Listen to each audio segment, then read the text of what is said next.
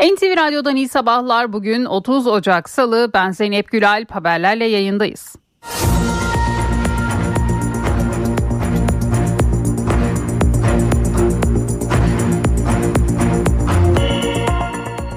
İstanbul Sarıyer'de bir kişinin hayatını kaybettiği Santa Maria Kilisesi'ndeki silahlı saldırı ile ilgili gözaltına alınan şüpheliler sağlık kontrolünden geçirildi. Zanlıların yakalandığı adresin yakınında kar maskeleri bulunurken silahlara henüz ulaşılamadığı belirtildi. İsveç'in NATO üyeliğine ilişkin protokolün mecliste kabul edilmesi ve Türkiye'nin F-16 alım talebine ilişkin süreçte somut ilerleme sağlanmasının ardından Ankara önemli bir konu ağırladı. Amerikan Dışişleri Bakan Yardımcısı Victoria Nuland, Dışişleri Bakan Yardımcısı Burak Akçapar'la görüştü. Türkiye-Amerikan Stratejik Mekanizması çerçevesinde gerçekleştirilen görüşmede ikili ilişkilerin yanı sıra bölgesel ve küresel konu başlıkları da ele alındı. Edinilen bilgilere göre Nuland, Akçapar görüşmesinde F-16 F-16 alım süreci ve Suriye'de sahadaki son durum da görüşüldü. Kanada hükümeti İHA optik ekipmanları da dahil Türkiye'ye 2020'den bu yana uyguladığı silah ihracatı kısıtlamalarını kaldırdı. Hükümetin resmi internet sitesinden ihracatçı firmalara yapılan açıklamada sınırlamaların artık yürürlükte olmadığı belirtildi. Merkez Bankası zorunlu karşılık oranlarında değişikliğe gitti. Resmi gazetede yayımlanan kararla kur korumalı hesaplar için zorunlu karşılık oranı 6 aya kadar vadede %30'dan %25'e indirildi. Döviz cinsinden hesaplar için zorunlu karşılık oranı ise %4'ten %8'e yükseltildi. Cumhurbaşkanı Recep Tayyip Erdoğan AK Parti'nin Eskişehir'de düzenlediği Gençlik Aşkıyla programında gençlerle buluştu. Muhalefetin AK Parti'nin yaptıklarını hayal bile edemeyeceğini belirten Cumhurbaşkanı Recep Tayyip Erdoğan bu işler Bay Bay Kemal'in musluk açışına, açılışına benzemez dedi. İsrail'in soykırım suçlamasıyla yargılanmasını da değerlendiren Erdoğan, Netanyahu kan kaybediyor, çok daha kan kaybedecek. Şu anda Netanyahu kendi ülkesinde lanetli hale geldi ve lanetlenecek diye konuştu. Cumhuriyet Halk Partisi'nin İzmir Büyükşehir Belediye Başkan adayı Cemil Tugay oldu. Tugay, Karşıyaka Belediye Başkanlığı görevini yürütüyordu. CHP Genel Başkanı Özgür Özel, İzmir adayının açıklanmasının ardından değişim nerede diyenler İzmir'e baksın değerlendirmesinde bulundu. Amerikan Dışişleri Sözcüsü 3 Amerikan askerinin öldüğü Ürdün'deki üst saldırısından İran'ı sorumlu tuttu ancak temkinli konuştu. İran'la savaş istemiyoruz, İran'ın da bizimle savaş istediğini düşünmüyoruz dedi. Dışişleri Bakanı Antony Blinken da aşamalı ve uzun süreli yanıt verilecek ifadesini kullandı. İsrail'in Gazze saldırılarında 116. gün geride kalırken esir takası görüşmeleri de sürüyor. Amerikan yönetimi Gazze'de yeni bir esir takası gerçekleşmesi için taraflar arasında somut bir çerçeve plan oluştuğunu açıkladı. İsrail'den ise ateşkes ve esir takası teklifini kabul ettiği yönündeki haberlere yalanlama geldi. Fransa'da çiftçiler traktörleriyle Paris'i kuşattı. Fransa'nın farklı noktalarından traktörleriyle yola çıkan çiftçiler hükümetin tarım politikalarını protesto etmek için Paris'e giriş çıkış güzergahlarını traktörleriyle kapatarak eylem yaptı. İngiltere Kralı 3. Charles tedavi gördüğü hastaneden taburcu edildi. Buckingham Sarayı'ndan yapılan yazılı açıklamada kralın planlı tıbbi tedavisinin ardından öğleden sonra hastaneden taburcu edildiği bildirildi. Cuma günü Ankara'da simidin 15 liraya satılması kararlaştırılmıştı. Tartışmaların ardından Ankara Simitçiler ve Pideciler Esnaf Odası Başkanı Savaş Deribaş zammın iptal edildiğini söyledi. Maliyetler yükselirse zam yapmaya mecbur kaldıklarını da ifade etti. Destek alırsak zam yapmayız dedi. Ve spor Okan Buruk Süper Lig tarihine geçti. Galatasaray Trendyol Süper Lig'in 23. haftasında 1-0 geriye düştüğü maçta son anda bulduğu gollerle Gaziantep'i 2-1 mağlup etti. Galatasaray Teknik Direktörü Okan Buruk sarı kırmızılı takımın başında iç sahada üst üste 15 galibiyet alan ilk Türk teknik direktör oldu.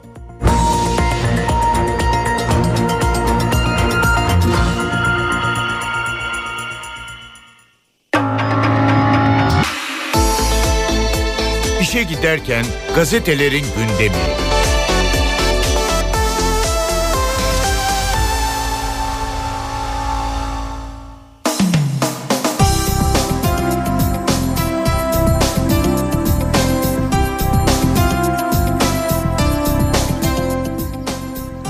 Sabahla başlıyoruz. İstanbul'u dünyaya bağlayan hat manşetini atıyor bugün Sabah gazetesi. Cumhurbaşkanı Erdoğan İstanbul Havalimanı metrosunun en önemli hattını açtı. New York'tan ya da Diyarbakır'dan gelen yolcu 30 dakikada kent merkezine ulaşmanın konforunu yaşayacak.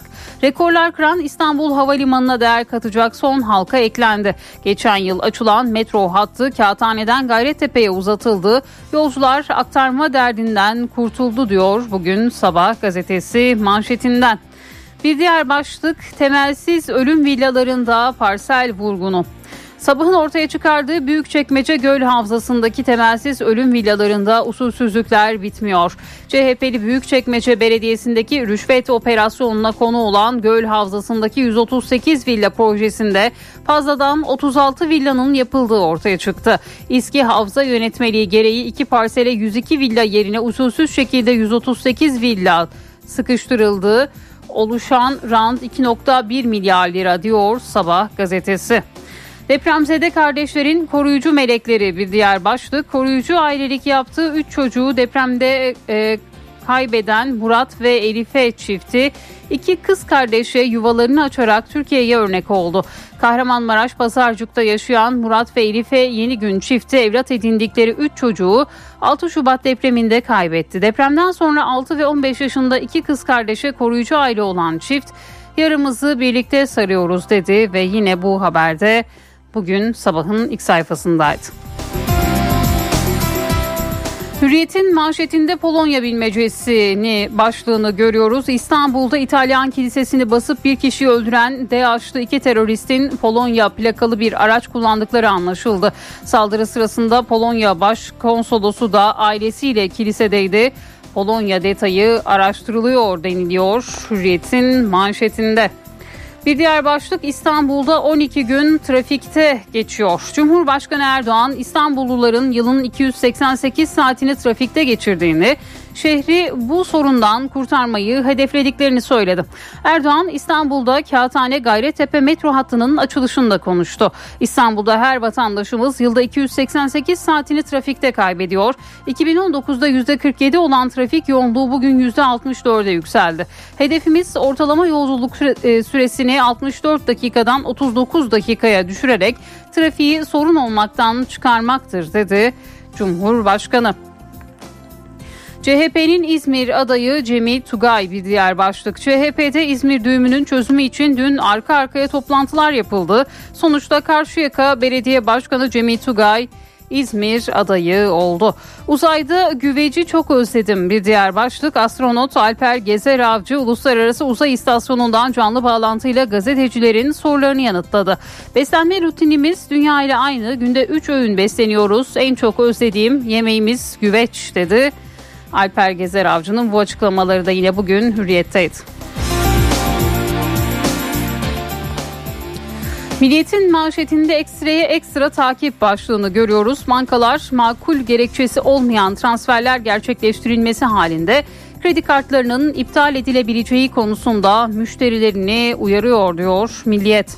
Karadeniz gazı hızlanacak bir diğer başlık Enerji ve Tabi Kaynaklar Bakanı Bayraktar Karadeniz gazının çıkarıldığı Sakarya gaz sahasında şu ana kadar 23 kuyu kazdıklarını belirterek inşallah projeyi önümüzdeki süreçte daha da hızlandırıp doğalgazın önemli bir kısmını buradan sunmuş olacağız. Üretimimiz 2,7 milyon metre küpte ulaşmış durumda dedi. Bakan Bayraktar'ın açıklamaları da yine bugün Milliyet'teydi. Midyeye de plastik girdi. İstanbul Sarıyer'den alınıp analiz edilen 30 midyeden 22'sinin mikroplastik içerdiği görüldü. 30 numunede toplam 60 mikroplastik tespit edilirken midyelerde gram başına mikroplastik kirlilik düzeyinin 0,13 parçacık, adet başına ise 0,5 parçacık olduğu hesaplandı ve yine bu haberde bugün Milliyet gazetesinin ilk sayfasında yer aldı.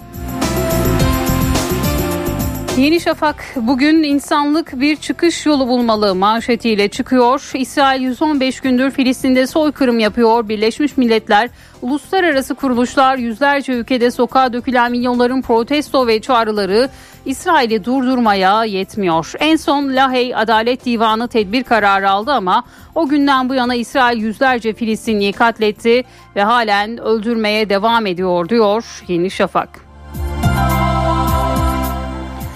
Posta gazetesinin ilk sayfasında silah tutukluluk yapınca katliamdan kurtuldular başlıklı haber yer buluyor. Sarıyer'de Santa Maria Kilisesi'nde yapılan silahlı saldırıyı DAEŞ üstlenirken eyleme dair yeni detaylar ortaya çıktı. Kamera görüntülerinde saldırıyı yapan Tacikistan uyruklu AK ile Rus DT ayin devam ederken kamuflajlı ve maskeli halde Antire'ye geliyorlar. Kapıyı açıp içeriği kontrol ederken o sırada saldırının tek kurbanı Tuncer Cihan beliriyor. Teröristler de ayine girsin diye önce ona kapıyı açıyor ardından da içeriye dalıp önce kafasına kapsayla vuruyorlar ve sonra ensesine ateş ediyorlar deniliyor postanın ilk sayfasında. Cumhuriyet'in manşetinde ya yoksulsun ya da çok zengin başlığını görüyoruz. Türkiye İstatistik Kurumu'nun gelir dağılımı istatistiklerine göre en yüksek %20'lik grubun toplam gelirden aldığı pay %49,8'e yükseldi. %80 ise ülke gelirinin yarısıyla yetinmek zorunda kaldı. 2018'den bu yana gelir payı artan sadece en zenginlerin oluşturduğu %20'lik kesim oldu. İş gelirinde en yüksek artış %89,7 ile lise altı eğitimlilerde yaşandı. Hiçbir okul bitirmeyenlerin geliri %82,5 oranında yükseldi. Yüksek öğretim mezunları ise %80,5'te kaldı. Ekonomistler gelir dağılımımız Arjantin, Togo ve hatta Çad'dan daha beter. Cibuti bizden 2 puan yüksek dedi. Ve bu haberde bugün Cumhuriyet Gazetesi'nin manşetindeydi. Ücretli köleliğe isyan ediyoruz bir diğer başlık. Taban maaş hakkı için meclise yürümek isteyen özel okul öğretmenleriyle polis arasında arbede yaşandı. Meclis önünde açıklama yapan öğretmenler asgari yaşama ücretli köleliğe isyan etmek için buradayız. Mücadele dersini öğretmenler verecek dedi ve yine bu başlıkta Cumhuriyet Gazetesi'nin ilk sayfasında yer buldu. Şimdi bir araya gidelim sonrasında haberlerle devam edeceğiz.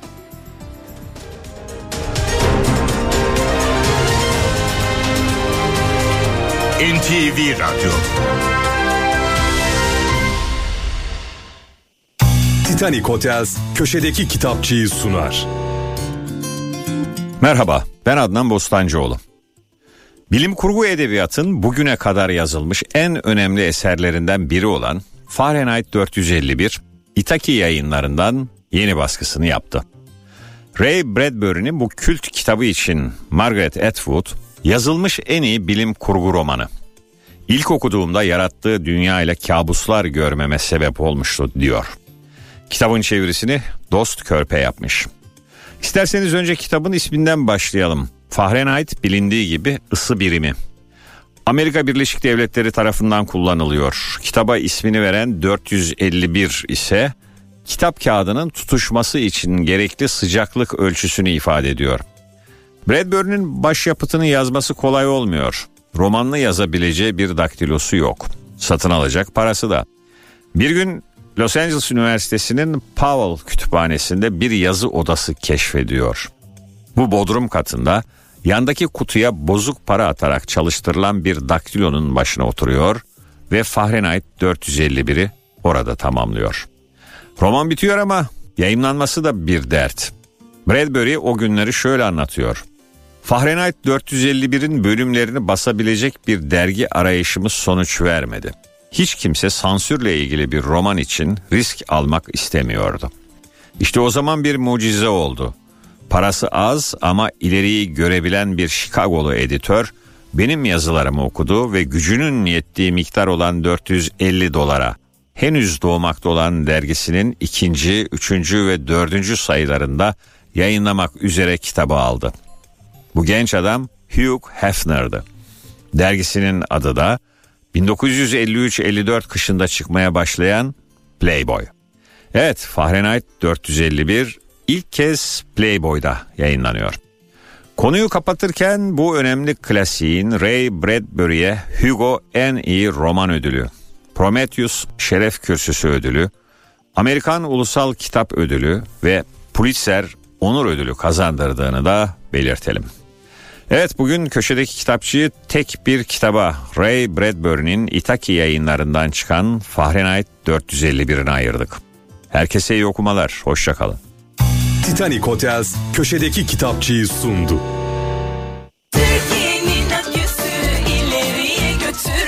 Yiğit Akü yol durumunu sunar.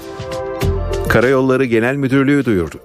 Gaziantep Doğu Nizip Kavşakları 10-11. kilometrelerinde ve Ankara Kırıkkale yolunun 25-27. kilometrelerinde yol bakım ve onarım çalışmaları yapıldığından ulaşım kontrollü olarak sağlanıyor. Sürücüler dikkatli seyretmeli. Yiğit Akü yol durumunu sundu.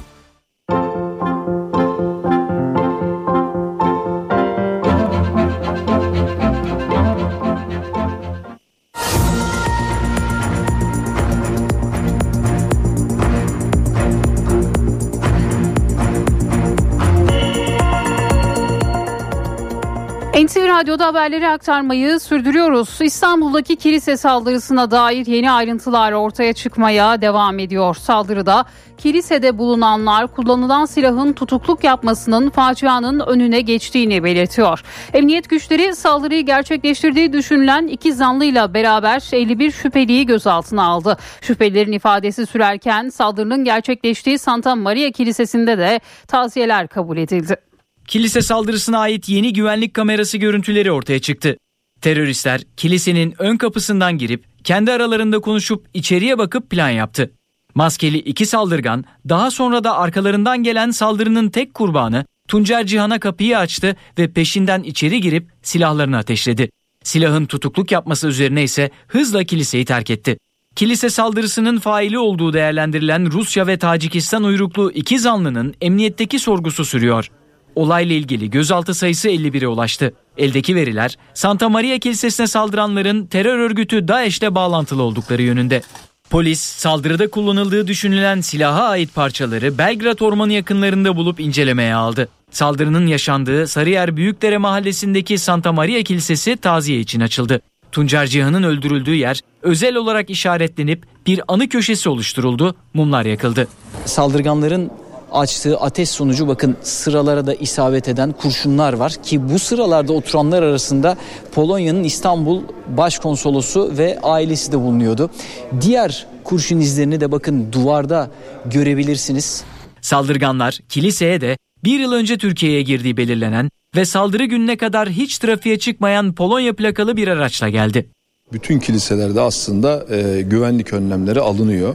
Gerek sabit kulübeler gerekse mobilize bir şekilde polisin devriye atması usulüyle e, güvenlik önlemleri aslında alınıyor. Fakat o an için e, polislerin de orada olmadığı bir gerçek. Olayın ardından Latin Katolik Kilisesi'nin İstanbul Piskoposu Massimiliano Palinuro saldırganların yakalanması üzerine İçişleri Bakanı ve emniyet güçlerine teşekkür etti. Sadece cemaatimize bütün Türkiye'ye zarar veren bir olay. Tabii ki daha fazla güvenlik belki gerekiyor. Allah korusun hepimizi. İstanbul Piskoposu daha sonra İstanbul Büyükşehir Belediye Başkanı Ekrem İmamoğlu ile beraber saldırının kurbanı Tuncer Cihan'ın Nurtepe Cemevi'ndeki cenazesine katıldı.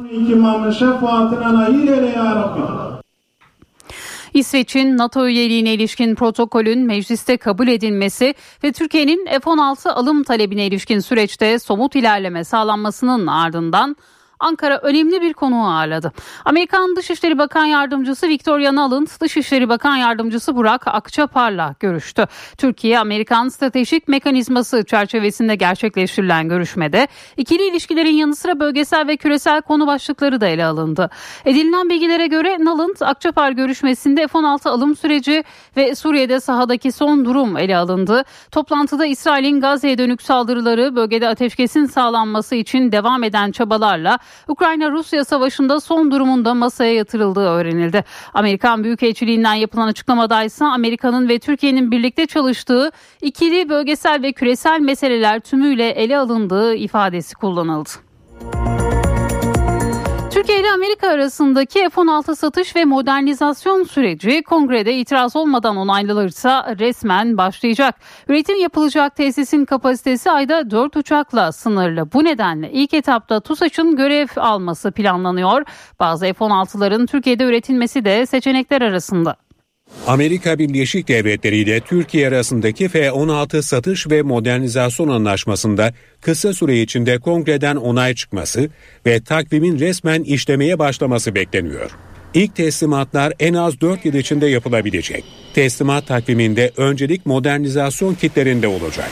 NTV'nin edindiği bilgilere göre Lockheed Martin'in F-16 üretim tesisinde aylık kapasite 4 uçakla sınırlı. Ayrıca tesis daha önce onaylanan satış sözleşmeleri çerçevesinde başka ülkelerin F-16'ları için tam kapasiteyle çalışıyor. Bahreyn, Slovakya, Tayvan, Bulgaristan ve Ürdün'ün sözleşmeleri çerçevesinde yüzden fazla F-16 Blok 70 üretim için sıra bekliyor.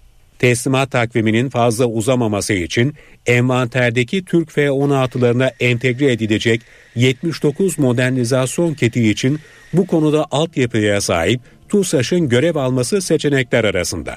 TUSAŞ 1987-2012 yılları arasında farklı konfigürasyonlarda 270 F-16 savaş uçağının montajını ve çok sayıda uçağın modernizasyonunu gerçekleştirdi. TUSAŞ tesislerinde halen Özgür 1 ve Özgür 2 projeleri kapsamında Blok 30, Blok 40 ve Blok 50 tipi F-16'ların modernizasyon işlemleri devam ediyor. Türkiye için üretilecek F-16'lar için TUSAŞ'la Lockheed Martin firmalarının işbirliği yapması ve uçakların bir bölümünün montajının Türkiye'de yapılması seçenekler arasında. Lockheed Martin yetkililerinin bu seçeneği değerlendirmek üzere TUSAŞ'ın F-16 modernizasyon ve üretim hatlarını incelediği de belirtiliyor. Kanada hükümeti Türkiye'ye insansız hava aracı optik ekipmanı da dahil silah ihracatı kısıtlamasını kaldırdı. Bildiri Kanada hükümetinin resmi internet sitesinden yapıldı. Sınırlamaların artık yürürlükte olmadığı belirtildi. Böylece insansız hava aracı için optik ekipman dahil silah ihracatı kontrolleri kaldırıldı. Kanada hükümeti Türkiye'ye yönelik silah ambargosunu 2020'de başlattı.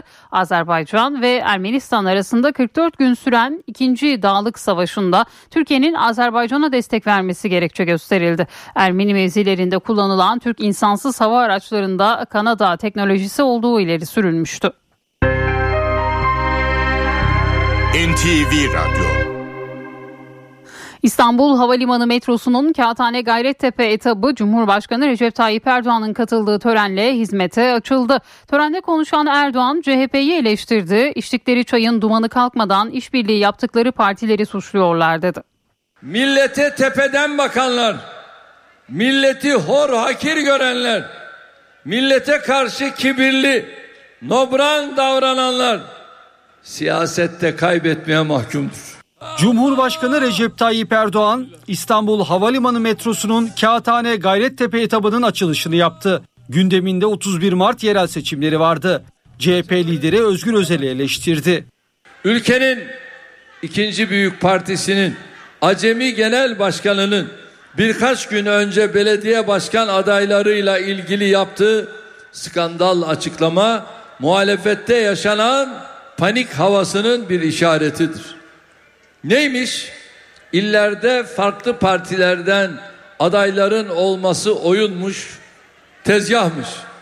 Birkaç gün öncesine kadar işbirliği görüşmeleri yaptığı partileri daha içtikleri çayın dumanı kalkmadan ihanetle suçlamak, beraber siyaset yaptığı insanları ihanetle itham etmek tam bir siyasi basiretsizlik örneğidir.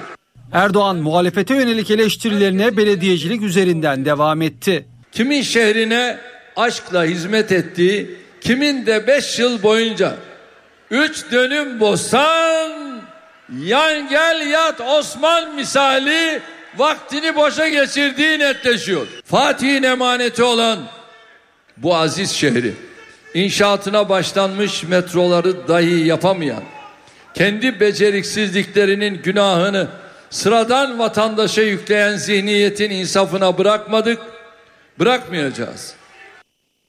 Cumhuriyet Halk Partisi'nde merakla beklenen İzmir adayı belli oldu. CHP Parti Meclisi Karşıyaka Belediye Başkanı Cemil Tugay'ın ismini onayladı. Şimdi Özgür Akbaş ayrıntıları anlatıyor. Günlerdir merak ediliyordu. Cumhuriyet Halk Partisi'nin İzmir Büyükşehir Belediye Başkan adayı kim olacak diye soruluyordu. O sorunun yanıtı alındı. Önce Merkez Yönetim Kurulu toplantısı ardından parti meclisi toplantısı gerçekleşti.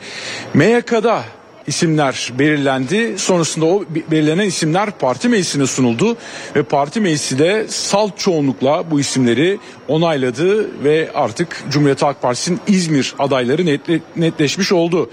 Cemil Tugay Karşıyaka Belediye Başkanıydı ve İzmir Büyükşehir Belediye Başkan adaylığına aday adaylığına e, doğru yürüyordu ve e, pek çok tabi isim vardı Cemil Tugay'ın yanı sıra.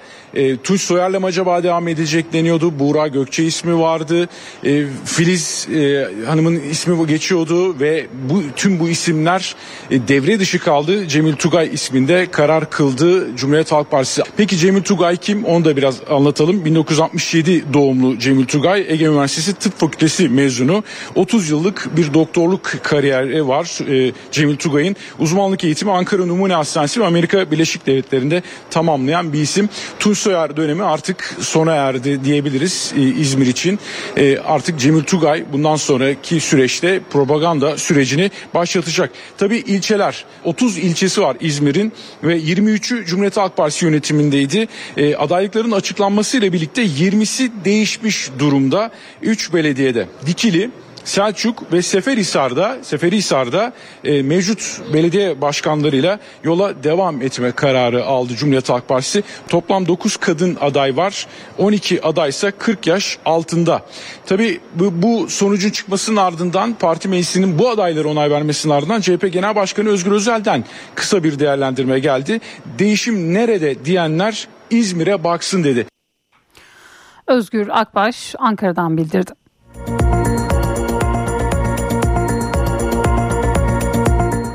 Yerel seçim çalışmalarına hız veren AK Parti seçim beyannamesini bugün paylaşacak. Beyannamenin açıklanacağı toplantı AK Parti Genel Merkezi'nin yeni ek binasında yapılacak. Türkiye yüzyılı için gerçek belediyecilik adıyla hazırlanan beyannamede kentsel dönüşüm vurgusu ön planda olacak. AK Parti'de adaylarının açıklanmasının ardından gözler seçim beyannamesine çevrildi. Cumhurbaşkanı Recep Tayyip Erdoğan'ın açıklayacağı beyannamede gerçek belediyecilik vurgusu yapılacak. Afetlere dirençli şehirlere yönelik projeler ön planda olacak.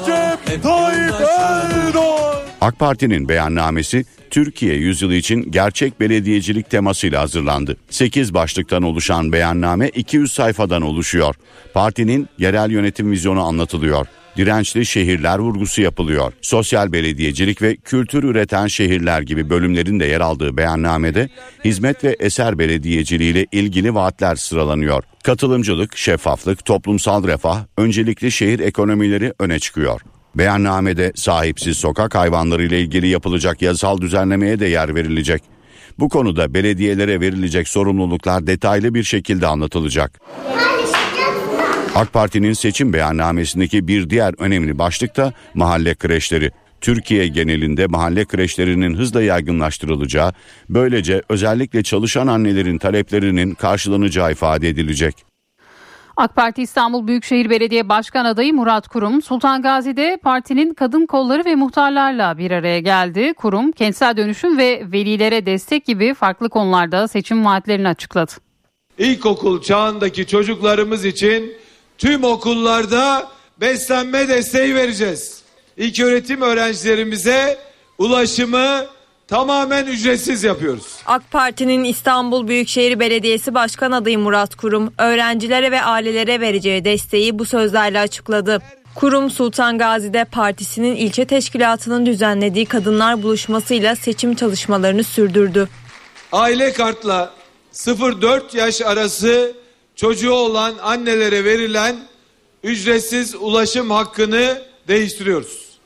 Artık hem yaşı 0-6'ya çıkarıyoruz hem size hem de eşlerinizde orada çocuklarınızla ücretsiz seyahat hakkı veriyoruz. Murat Kurum AK Parti Sultan Gazi İlçe Teşkilatı tarafından düzenlenen Muhtarlar ve Sivil Toplum Kuruluşları buluşmasına da katıldı. Vaatlerini anlattı. 650 bin yuvayı 5 yılda 5 yılda sizin için bitireceğiz. Kira fiyatlarını düşürecek konutlarımızı 18 ayda tamamlayacağız.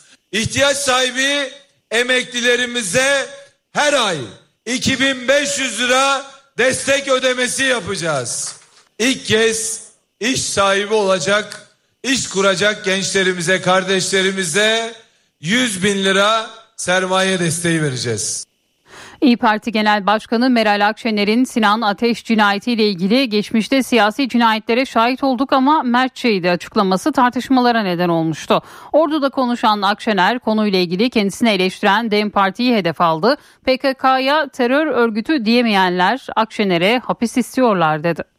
Bugün Sinan Ateş'i katledenlerin bulunmaması, Sinan Ateş'in çocuğunun, kızının, Banu Çiçek'in bu derece korkuyor olması, anasının da öldürülebileceğinden, katledileceğinden korkuyor olmasının getirdiği bir başka iş var. Onu anlatmaya çalıştım.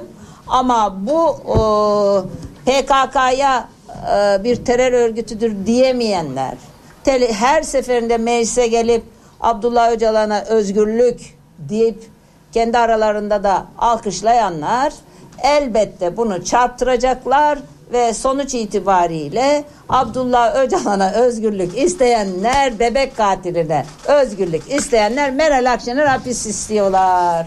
Hoş gelişler ola Mustafa Kemal Paşa. Naz bebeği katledenler namerttir. Fethi Sekin'i katledenler namerttir.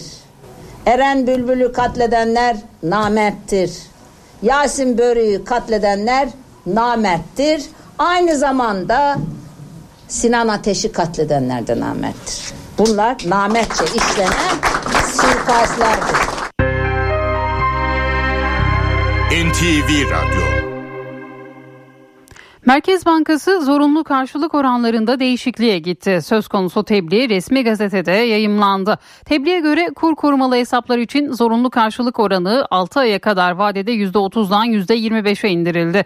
Döviz cinsi hesaplar için zorunlu karşılık oranı ise %4'ten %8'e yükseltildi. Türk lirası mevduata geçişe yönelik adımları güçlendirmeyi hedefleyen kararın 120 milyar liralık bir parasal etkisinin olması bekleniyor. Petrol ve döviz kurundaki yukarı yönlü hareket akaryakıta zam olarak yansıyor. Bu gece arasından itibaren motorun litre fiyatı 1 lira 38 kuruş arttı. Zam sonrası motorun litre fiyatı İstanbul'da 41 lira 62 kuruşa, Ankara'da 42 lira 38 kuruşa, İzmir'de 42 lira 57 kuruşa yükseldi. Benzine ise 24 Ocak'ta 1 lira 43 kuruş zam gelmişti. Şu an için benzin fiyatlarında yeni bir zam ya da indirim beklentisi bulunmuyor. Araç sahiplerini ilgilendiren bir haber daha motorlu taşıtlar vergisi ödemesi için son iki güne girildi. Taksit ödemelerinin 31 Ocak'a kadar yapılması gerekiyor. MTV'nin zamanında ödenmemesi durumunda araç sahipleri aylık %3,5 gecikme faiziyle yüz yüze kalacak. Kamuda çalışan işçileri yakından ilgilendiren bir gelişme var sırada. Maaş zammını belirleyen kamu çerçeve protokolü yenilendi. Toplu sözleşmeyle belirlenen zammın yürürlük tarihi öne çekildi. Konuya ilişkin Çalışma ve Sosyal Güvenlik Bakanı Vedat Işıkhan ve Türk İş Başkanı Ergün Atalay'dan açıklamalar var. Kamuda çalışan 700 bine yakın işçinin maaş zammını belirleyen kamu çerçeve protokolü yenilendi. İşçiye ek zam yapılmadı. Ancak toplu sözleşmeyle belirlenen zamın yürürlük tarihi öne çekildi. Ayrıca bir sonraki toplu sözleşme döneminde yürürlük tarihleri farklı olan toplu sözleşmelerin yürürlük tarihlerinin 1 Ocak 2025'te başlatılmasına karar verildi. Hayırlı olmasını ben de diliyorum. Tüm genel başkanlarıma da ayrıca teşekkür etmek istiyorum. 230 bin işçi. Şimdi bunlar Ocak ayında alanlar 32.57 aldı. Ocak ayından sonra Şubat'tır, Mart'tır, Nisan'dır, Mayıs'tır bu Ağustos'a kadar sürüyor. Yani bunlar bu 32.57 alma imkanları yok. En kötü ihtimalle bir 10 ile 14 puan arasında bir kayıp var.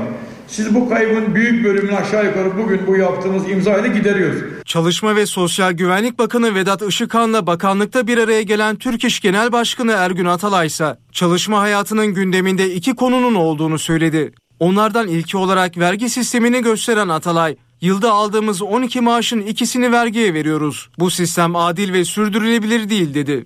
Atalay, kamuda çalışan taşeron işçilerin kadroya alınması gerektiğini de söyledi. Taşeronla ilgili 696'dan kadroya geçenler oldu. İşte bir 40 bin oldu 90 bin. Şimdi sizin bu metinde de var. Yasa var. Üç kere resmi gazete yayınlandı. İş yerine işe alırken bunlardan alın diye ifade olmasına rağmen maalesef bugüne kadar kamuya bunlarla ilgili bir arkadaşımız alınmadı. Bu maddeyi en azından bir yürürlüğe koyarsanız yani taşeronla ilgili bir yerden başlamış oluruz. Başkent Ankara'da simidin fiyatı geçen hafta artmıştı. Zam geri alındı. Başkentte simit yeniden 10 lira. Saygıdeğer Ankaralı halkımız.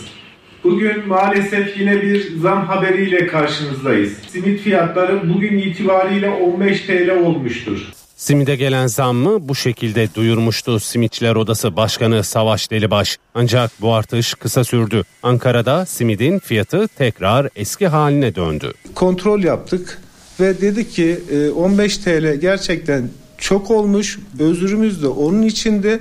Şimdi bugün itibariyle zamın iptaline karar aldık.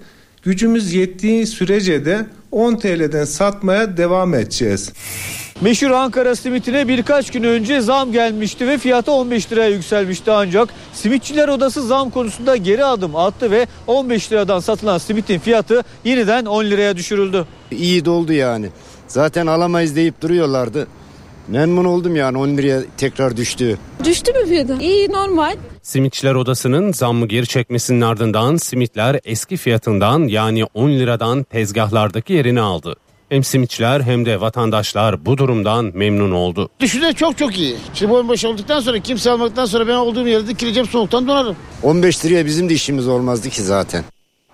Yüksek faiz oranları ev sahibi olmayı zorlaştırınca gayrimenkul firmaları sektördeki duranlığı aşmak için yeni bir model geliştirdi. Modelin adı kademeli ya da aşamalı konut satışı. Yeni modelde ev sahibi olmak isteyenler önce arsa payını ardından inşaat maliyetini ödüyor. Şu anda ev alabilir misin? Yok. Hayat gibi bir şey şu anda. Fiyatlar bayağı tavan yaptı. Artan fiyatlar, yüksek faiz oranları, ev sahibi olmak zorlaştı. Gayrimenkul firmaları yeni modeller geliştirmeye başladı. Tek seferde ev borcuna giremeyenler için firmalar kademeli konut satışına başladı. Konutun iki tane önemli kademesi var. Birincisi arsa, ikincisi inşaat yapım maliyeti. Arsa maliyetini ödüyorlar. Sonra 12 ile 18 arası inşaat yapım maliyeti başlıyor. Modelin amacı konut fiyatını iki parçaya bölüp ev sahibi olmak isteyenlere ödeme kolaylığı sağlamak. Geçmişte Anadolu'da uygulanan kooperatif sistem var. Kooperatif sistemine yakın ama karşınızda muhatap olan profesyonel bir firma var. Aşamalı konut sisteminin bir diğer avantajı da toplam konut maliyeti. Halihazırdaki bir konutu %30 %40 civarında daha uyguna almış oluyorsunuz. Bunlar tahmini rakamlar görmüş olduğunuz gibi. 2 artı 1 bir dairenin şu anki fiyatı 5 milyon lira civarında. Yani bugünkü nakit fiyatı olmuş oluyor. Bizim aşamalı konut sisteminde ise birinci aşamada 2 artı 1 dairenin arsasına düşen maliyet 1 milyon 400 bin lira. Hatta bunda taksitle ödeme imkanı var müşterilerimizin. 1 milyon 600 bin lirayı da inşaatın e, maliyetmiş oluyorsunuz. İkincisinin toplamı da 3 milyon liraya e, totalde maliyetine ev sahibi olmuş oluyor müşterilerimiz. Birçok gayrimenkul firması aşamalı konut satışına geçti. Yaptıkları lansmanlarla ilk aşama olan arsa paylarını satmaya başladı. Fayda sağlar vatandaş için güzel olur. Daha ileri tarihlerde ödeme sağlayacağı için hani en azından tekte ödeyeceğini aşamalı olarak ödemesi daha mantıklı olur. Sektör temsilcilerine göre model önümüzdeki dönemde daha da yayılacak ve konut sahibi olmak isteyenler kadar gayrimenkul firmaları için de can suyu olacak. İnsanların ulaşabilir konut sunma argümanları gelişmiş olacak. Birincisi bu şekilde. İkincisi pazar payları büyümüş olacak. Ankara'da bir çift erkeğin duş almaması ve aynı kıyafetleri 5 gün giymesi nedeniyle sorun yaşadı. Boşanmaya kadar uzanan olayda aile mahkemesi kadını haklı buldu. Kadına 500 bin lira manevi tazminat ödenmesine hükmetti. Karar Yargıtay tarafından da onandı ve emsal olarak kayıtlara geçti. Yargıtay, duş almayan, dişlerini fırçalamayan ve iddiaya göre aynı elbiseyi 5 gün giyen eşi kusurlu buldu. Boşanma ve 500 bin liralık tazminat talebini onayarak emsal niteliğinde bir karara imza attı. Genel boşanma nedenleri ortak hayatı çekilmez hale getiren her nedendir. Ankara 19. Aile Mahkemesi'nde görülen davada mahkeme Eşlerin ortak arkadaşlarını ve davacı olunan eşin çalışma arkadaşlarını tanık olarak dinledi. Boşanma nedeni karşı tarafın kişisel temizliğine dikkat etmemesiydi.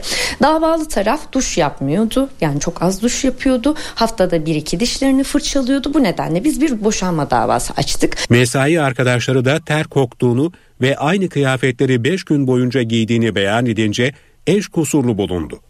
Mahkeme çifti boşadı. Kadın lehine 500 bin liralık manevi tazminata da hükmet. Dosya Yargıtay'a taşındı. Yüksek Mahkemede kişisel bakımına dikkat etmeyen eşi tam kusurlu bulup kararı onadı. Yargıtay'ın kişisel bakım özelsizliğine 500 bin liralık tazminata hükmetmesi emsal olarak kayıtlara geçti.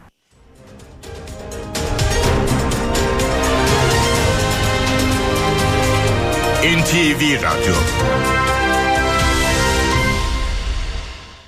HDI Sigorta İstanbul'un yol durumunu sunar. İstanbul'da ara ara yağmurlu bir sabah trafikte yoğunluk haritası %62'yi gösteriyor. 15 Temmuz Şehitler Köprüsü'ne giderken Anadolu'dan Avrupa'ya geçişte Çamlıca Beylerbeyi arasında bir yoğunluk gözleniyor. Fatih Sultan Mehmet Köprüsü'ne giderken de İkbal Caddesi Kavacık arası yoğun. Her iki köprüde de Anadolu'dan Avrupa'ya geçişte yine yoğunluk var. Avrasya Tüneli ise çift taraflı açık. Avrupa yakasına gelindiğinde 5'te Ambarlı Şirinevler arasında sabah yoğunluğu gözleniyor. Tem'de ise Altınşehir Baş e, Bahçeşehir yönünde bir trafik kazası var. Bölgede yoğunluk oluşturuyor. Aksi istikamette de Bahçeşehir iki telli arasında sabah trafiği var. Yolda olanlara iyi yolculuklar. HDI Sigorta İstanbul'un yol durumunu sundu. Alman teknolojisiyle üretilen Düfa Boya spor haberlerini sunar.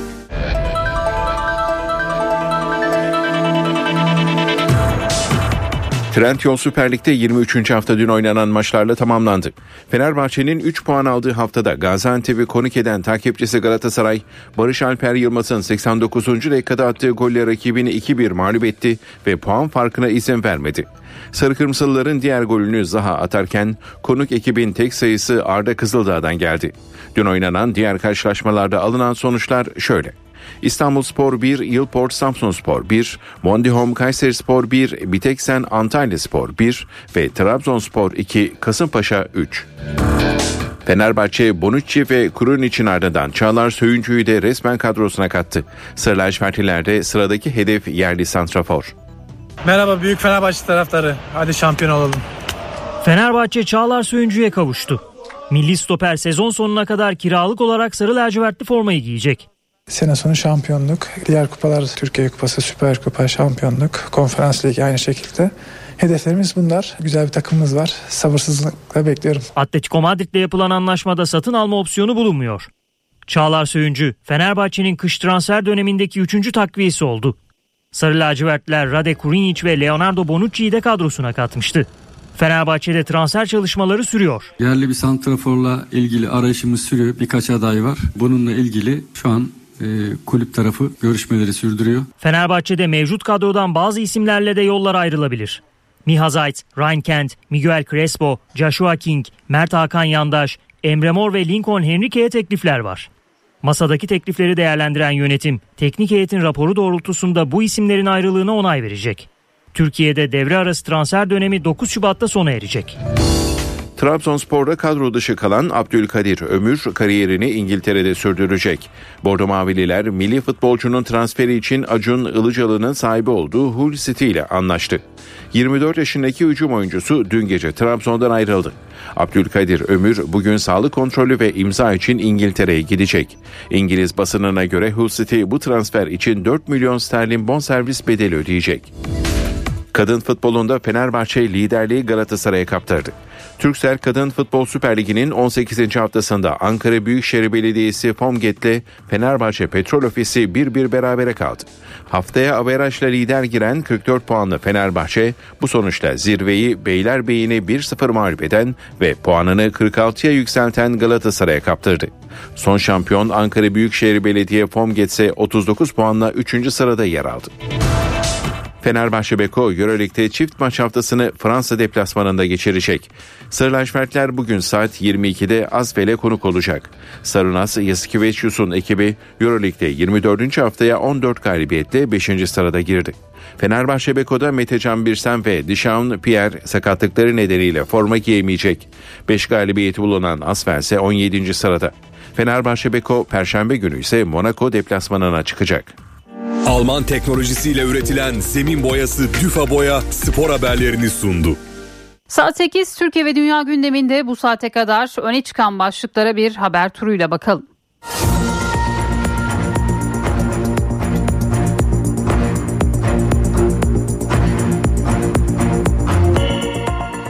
İzmir'in Dikili ilçesi açıklarında Oğuz İrgit adlı balıkçı teknesi gece Salihler Altı açıklarında battı. Teknede bulunan 10 kişiden Oğuz İrgit, İsmet Akdağ ve Orhan Pancar'ın cansız bedenine ulaşıldı. Ali Can Ateş, Arda Kuzu, Mehmet Kurunaz, İbrahim Erdem ve Muhammed Kulak sağ olarak kurtuldu. Batan teknede bulunan ve denizde kaybolan Medine Karaduman ve Gökhan Çakır aranıyor. Çalışmalara Sahil Güvenlik Komutanlığı'na ait 3 bot, bir helikopter katılıyor. İstanbul Sarıyer'de bir kişinin hayatını kaybettiği Santa Maria Kilisesi'ndeki silahlı saldırıyla ilgili gözaltına alınan şüpheliler sağlık kontrolünden geçirildi. Zanlıların yakalandığı adresin yakınında kar maskeleri bulunurken silahlara henüz ulaşılamadığı belirtildi. İsveç'in NATO üyeliğine ilişkin protokolün mecliste kabul edilmesi ve Türkiye'nin F-16 alım talebine ilişkin süreçte somut ilerleme sağlanmasından sonra Ankara önemli bir konuğu ağırladı. Amerikan Dışişleri Bakan Yardımcısı Victoria Nuland, Dışişleri Bakan Yardımcısı Burak Akçapar'la görüştü. Türkiye-Amerikan Stratejik Mekanizması çerçevesinde yapılan görüşmede ikili ilişkilerin yanı sıra bölgesel ve küresel konu başlıkları da ele alındı. Edinilen bilgilere göre Nuland, Akçapar görüşmesinde F-16 alım süreci ve Suriye'de sahadaki son durum ele alındı. Kanada hükümeti İHA optik ekipmanları da dahi Türkiye'ye 2020'den bu yana uyguladığı silah ihracatı kısıtlamalarını kaldırdı. Hükümetin resmi internet sitesinden ihracatçı firmalara yapılan açıklamada sınırlamaların artık yürürlükte olmadığı belirtildi. Merkez Bankası zorunlu karşılık oranlarında değişikliğe gitti. Resmi gazetede yayımlanan kararla kur korumalı hesaplar için zorunlu karşılık oranı 6 aya kadar vadede %30'dan %25'e indirildi. Döviz cinsinden hesaplar için zorunlu karşılık oranı ise %4'ten %8'e yükseltildi. Cumhurbaşkanı Recep Tayyip Erdoğan AK Parti'nin Eskişehir'de düzenlediği Gençlik Aşkıyla programında gençlerle buluştu. Muhalefetin AK Parti'nin yaptıklarını hayal bile edemeyeceğini belirten Cumhurbaşkanı bu işler Bay Bay Kemal'in musluk açılışına benzemez dedi. İsrail'in soykırım suçlamasıyla yargılanmasını da değerlendiren Erdoğan, Netanyahu kan kaybediyor, çok daha kan kaybedecek. Şu anda Netanyahu kendi ülkesinde lanetli hale geldi ve lanetlenecek diye konuştu. Cumhuriyet Halk Partisi'nin İzmir Büyükşehir Belediye Başkan adayı Cemil Tugay olduğu Tugay, Karşıyaka Belediye Başkanlığı görevini yürütüyordu. CHP Genel Başkanı Özgür Özel, İzmir adayının açıklanmasının ardından değişim nerede diyenler İzmir'e baksın değerlendirmesinde bulundu. Amerikan Dışişleri Sözcüsü 3 Amerikan askerinin öldüğü Ürdün'deki üst saldırısından İran'ı sorumlu tuttu ancak temkinli konuştu. İran'la savaş istemiyoruz, İran'ın da bizimle savaş istediğini düşünmüyoruz dedi. Dışişleri Bakanı Antony Blinken da aşamalı ve uzun süreli yanıt verilecek ifadesini kullandı. İsrail'in Gazze saldırılarında 116. gün geride kalırken esir takası görüşmeleri de sürüyor. Amerikan yönetimi Gazze'de yeni bir esir takası gerçekleşmesi için taraflar arasında somut bir çerçeve plan olduğunu, oluşturulduğunu açıkladı. İsrail'den ise ateşkes ve esir takası teklifini kabul ettiği yönündeki haberlere yalanlama geldi. Fransa'da çiftçiler traktörleriyle Paris'i kuşattı. Fransa'nın farklı noktalarından traktörleriyle yola çıkan çiftçiler hükümetin tarım e, politikalarını protesto etmek için Paris'e giriş çıkış güzergahlarını traktörleriyle kapatarak eylem yaptı. İngiltere Kralı 3. Charles tedavi gördüğü hastaneden taburcu edildi. Buckingham Sarayı'ndan yapılan yazılı açıklamada kralın planlı tıbbi tedavisinin ardından öğleden sonra hastaneden taburcu edildiği bildirildi. Cuma günü Ankara'da simidin 15 liraya satılması kararlaştırılmıştı. Tartışmaların ardından Ankara Simitçiler ve Pideciler Esnaf Odası Başkanı Savaş Delibaş zammın iptal edildiğini söyledi. Maliyetler yükselirse zam yapmaya mecbur kaldıklarını ifade etti. Destek alırsak zam yapmayız dedi. Ve spor Okan Buruk Süper Lig tarihine geçti. Galatasaray Trendyol Süper Lig'in 23. haftasında 1-0 geriye düştüğü maçta son anda bulduğu gollerle Gaziantep'i 2-1 mağlup etti. Galatasaray Teknik Direktörü Okan Buruk sarı kırmızılı takımın başında iç sahada üst üste 15 galibiyet alan ilk Türk teknik direktör oldu.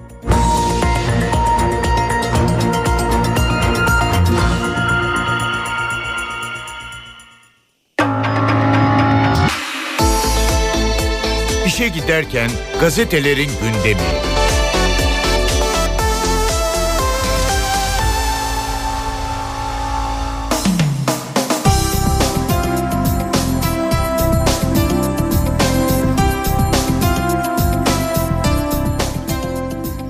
Sabahla başlıyoruz. İstanbul'u dünyaya bağlayan hat manşetini atıyor bugün Sabah gazetesi. Cumhurbaşkanı Erdoğan İstanbul Havalimanı metrosunun en önemli hattını açtı. New York'tan ya da Diyarbakır'dan gelen yolcu 30 dakikada kent merkezine ulaşmanın konforunu yaşayacak diyor Sabah gazetesi. Rekorlar kıran İstanbul Havalimanı'na değer katacak son halka eklendi. Geçen yıl açılan metro hattı Kağıthane'den Gayrettepe'ye uzatıldı. Yolcular aktarma derdinden kurtuldu. Her kıtadan turistlerin yanı sıra Anadolu'dan gelen vatandaş da 30 dakikada merkeze ulaşacak. Böylece Ayasofya'yı ziyaret edip Sultanahmet'te gezmek bir saatte aktarmayla mümkün olacak diyor bugün sabah manşetinden. Temelsiz ölüm villalarında parsel vurgunu bir diğer başlık. Sabahın ortaya çıkardığı Büyükçekmece Göl Havzası'ndaki temelsiz ölüm villalarında usulsüzlükler bitmiyor.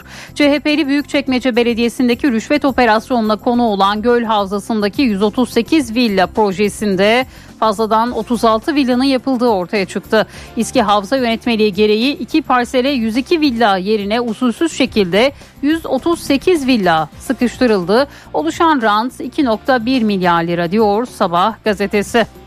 Depremzede kardeşlerin koruyucu melekleri bir diğer başlık. Koruyucu ailelik yaptığı 3 çocuğu depremde kaybeden Murat ve Elife çifti iki kız kardeşe yuvalarını açarak Türkiye'ye örnek oldu. Kahramanmaraş Pazarcık'ta yaşayan Murat ve Elife Yeni Gün çifti evlat edindikleri 3 çocuğu 6 Şubat depreminde kaybetti. Depremden sonra 6 ve 15 yaşında iki kız e, kardeşe koruyucu aile olan çift yaramızı birlikte sarıyoruz dedi ve yine bu haberde bugün sabahın ilk sayfasındaydı. Hürriyet Polonya bilmecesi manşetiyle çıkıyor bugün. İstanbul'da İtalyan kilisesini basıp bir kişiyi öldüren DAEŞ'lı iki teröristin Polonya plakalı bir araç kullandıkları anlaşıldı. Saldırı sırasında Polonya Başkonsolosu da ailesiyle kilisedeydi. Polonya detayı araştırılıyor. El 738 FX plakalı Hyundai marka otomobilin ön koltuğunda Dentar logosu var. Logo Polonya merkezli dental malzeme dağıtım yapan Dentar Centrium Distribusi Merialovo adlı şirkete ait. Otomobil de bu şirketin malı aracın bir yıl önce Türkiye'ye getirildiği ve saldırı gününe kadar hiç kullanılmadığı anlaşıldı. Otomobilin eylem için getirildiği bu yüzden trafiğe hiç çıkmadığı sanılıyor. Polis aracın izini Başakşehir'de kaydı, e, kaybetti. Aramalar sürüyor. Polis biri Rus, diğeri Tacik, iki teröristle birlikte 51 kişiyi gözaltına aldı. Teröristlere aracı teslim eden ve Güvercin Tepe'de kaldıkları hücre evini kiralayan Tacikistan vatandaşı iki kişi de yakalandı deniliyor bugün. Hürriyet gazetesinin manşetinde bir diğer haberle devam edelim. İstanbul'da 12 gün trafikte geçiyor başlığıyla. Cumhurbaşkanı Erdoğan İstanbulluların yılın 288 saatini trafikte geçirdiğini, şehri bu sorundan kurtarmayı hedeflediklerini söyledi.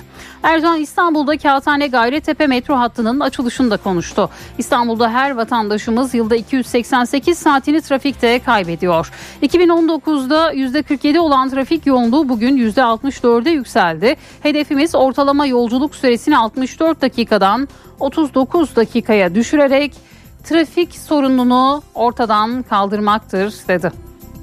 Bir diğer başlık CHP'nin İzmir adayı Cemil Tugay. CHP'de İzmir düğümünün çözümü için dün arka arkaya toplantılar yapıldı. Sonuçta Karşıyaka Belediye Başkanı Cemil Tugay İzmir adayı oldu.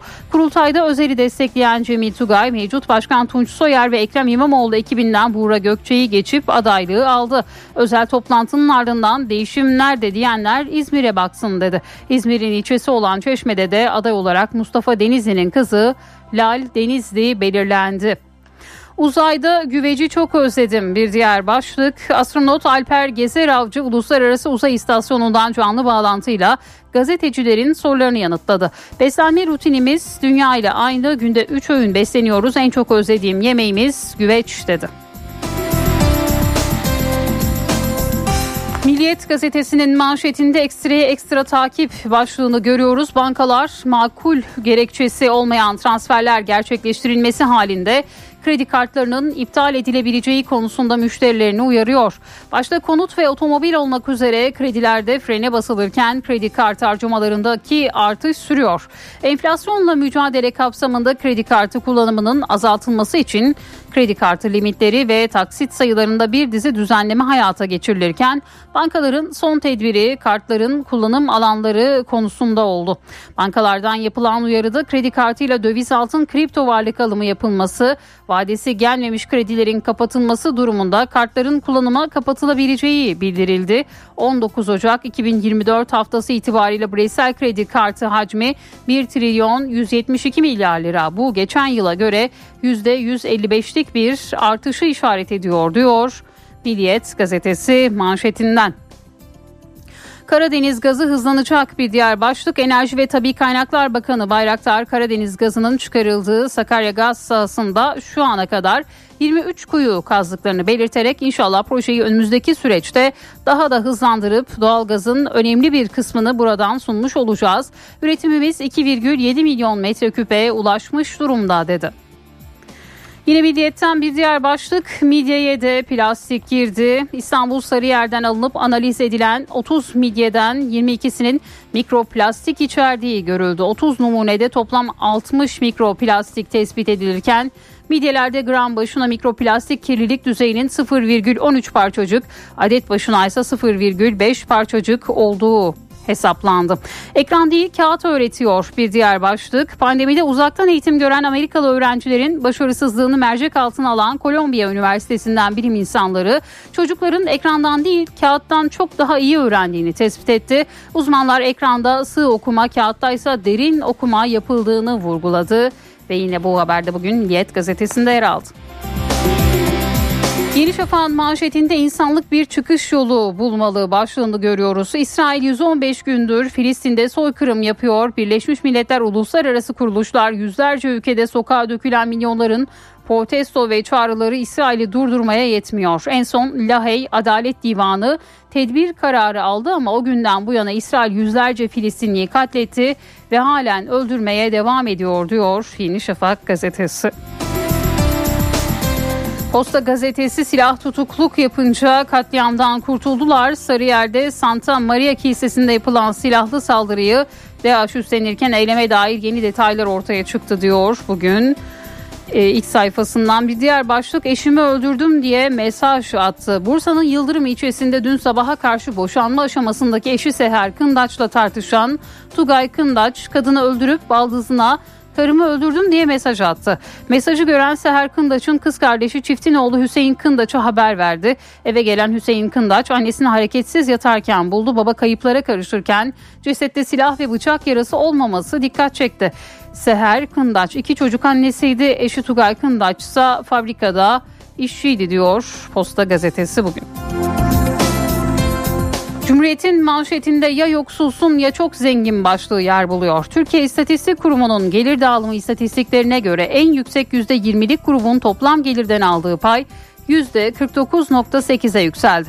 %80 ise ülke gelirinin yarısıyla yetinmek zorunda kaldı. 2018'den bu yana gelir payı artan sadece en zenginlerin oluşturduğu %20'lik kesim oldu. Eğitimsizin geliri arttı. İş gelirinde en yüksek artış %89.7 ile lise altı eğitimlilerde yaşandı. Hiçbir okul bitirmeyenlerin geliri %82.5 oranında yükseldi. Yüksek öğretim mezunları ise %80.5'te kaldı. Ekonomistler gelir dağılımımız Arjantin, Togo ve hatta Çat'tan daha beter Cibuti bizden 2 puan yüksek dedi. Bu haberde yine Cumhuriyet gazetesinin manşetindeydi. Bir başlığı daha aktaralım. Ücretli köleliğe isyan ediyoruz başlığıyla Cumhuriyet'te. Taban maaş hakkı için mecliste yürümek isteyen özel okul öğretmenleriyle polis arasında arbede yaşandı. Meclis önünde açıklama yapan öğretmenler asgari yaşama ücretli köleliğe isyan etmek için buradayız.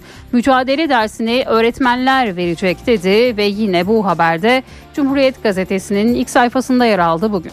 NTV Radyo Evdeki Hesap Profesör Murat Ferman hafta içi her gün ekonomideki güncel gelişmeleri NTV Radyo dinleyicileri için yorumluyor. Günaydın Sayın Ferman mikrofon sizde. Zeynep Gül Hanım günaydın. İyi bir gün, iyi yayınlar diliyorum. Önce bir fikri takip e, e, bilgisi paylaşalım. E, dünkü birlikteliğimizde miktarsal sıkılaştırmaya duyulan ihtiyacı ve merkez politikaları e, Merkez Bankası'nın parasal politikalarının vazgeçilmez bir parçası olan bu bacağın bir parça ihmal edildiğini, geriden gelindiğini e, ifade etmiştik. E, saatler evvel e, Türkiye Cumhuriyet Merkez Bankası miktarsal sıkılaştırma yolunda bir adım attı.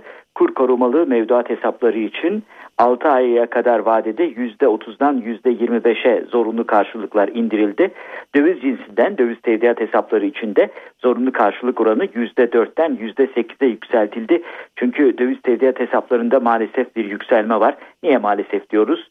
Liralaşma veya e, sterilizasyon politikalarının bir parça karşıtı olduğu için e, bu e, kararın zaman içerisinde 110-120 milyar e, liralık bir hacimi e, miktarsal sıkılaştırmaya konu edeceğini düşünüyoruz ama en az bunun 3 katı kadar ortada serseri para veya sterilize edilmesi gereken para var. Onu da hatırlatalım. Esas bugünün haberi önemli bir haber. Her sene bu zamanlarda veya bu istatistik bilgisi paylaşıldığında elbette hemen bunları da e, üzerinde yorum yaptığımız bir konu gelir dağılımı istatistikleri. Türkiye İstatistik Kurumu'nun 2023 gelir dağılımı istatistikleri hiç şüphesiz 2022 yılının bulgularını kapsıyor. Çünkü gelir dağılımı istatistikleri sondan geliyor. Sondan geliyor ama uzunca bir müddet Türkiye'de gelir dağılımı istatistikleri yapılmamış. Hatta e, yasaklanmıştı. E, çünkü gelir dağılımı istatistikleri milli bütünlük ve morali bozacak şekilde değerlendiriliyordu.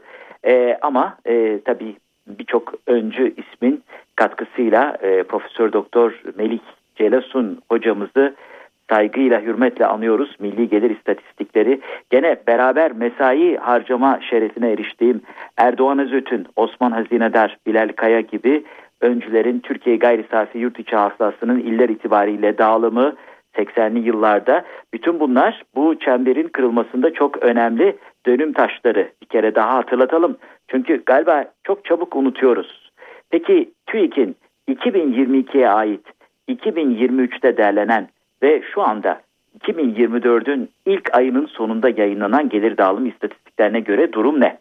Şimdi burada gelir dağılımının genel bir portresini sadece bir hani snapshot şöyle bir resmi çekin dediğinizde baktığımız Gini kat sayısı.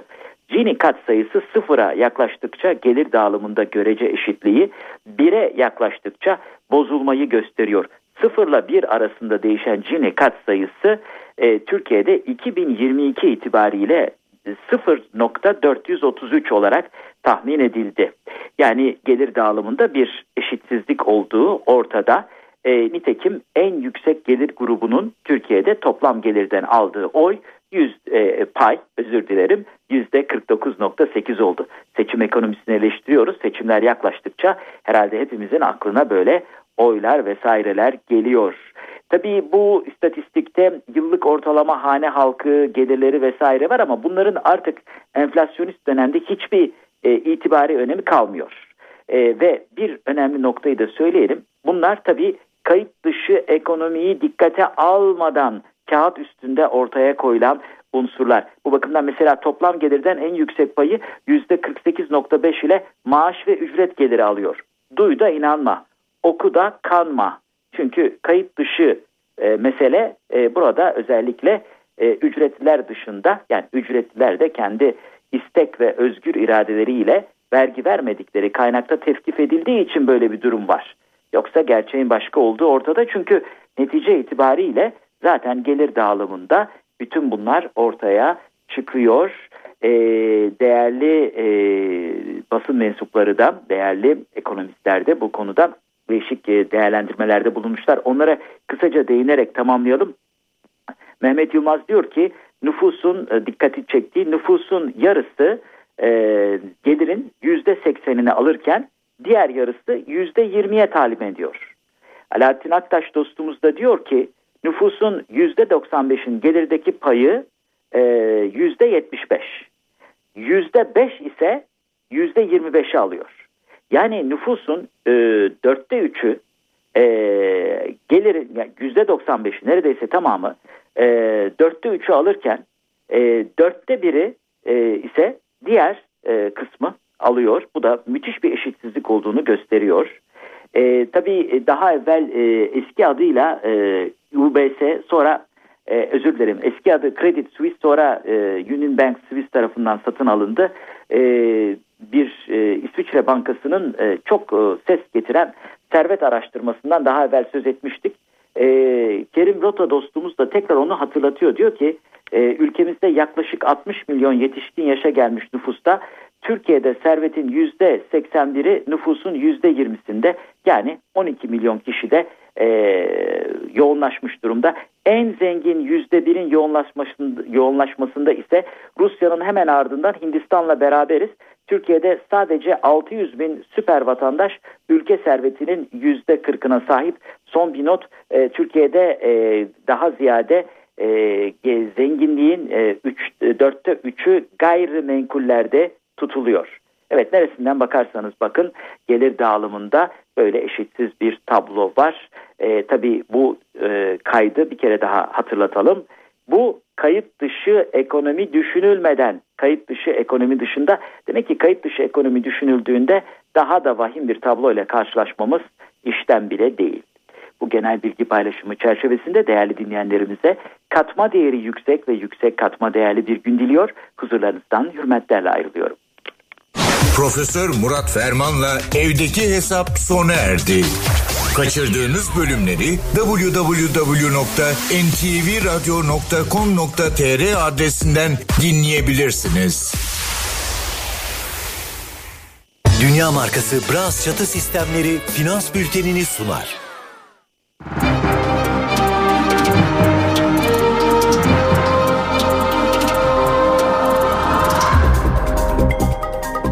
Borsa İstanbul Yüz Endeksi 8471 seviyelerinde dolar 30.35 euro 32.89'dan işlem görüyor. Euro dolar paritesi 1.08. Altının onzu 2032 dolar. Kapalı çarşıda gram altın 1983, çeyrek altın 3363 liradan satılıyor. Brent petrolün varil fiyatı ise 82 dolar. Dünya markası Bras çatı sistemleri finans bültenini sundu. NTV Radyo Benzersiz duvarlar artık hayal değil. Sandeko Boya hava durumunu sunar. Perşembeden sonra sıcaklık biraz artsa bile soğuklar hafta genelinde sürecek. Bugün İstanbul ve Bursa'da şiddetli Poyraz'la birlikte yağmur ve sulu kar etkili olacak. Hissedilen sıcaklık eksi bir derece. Ankara'da hafif Do- kar var ve don olayı oluşacak. Sıcaklık öyle 3 gece eksi 2 derece. İzmir'de fırtına nedeniyle sıcaklık 4 derece hissedilecek. Antalya'da Korkuteli, Elmalı taraflarına kar yağacak. Sıcaklık 11 derece.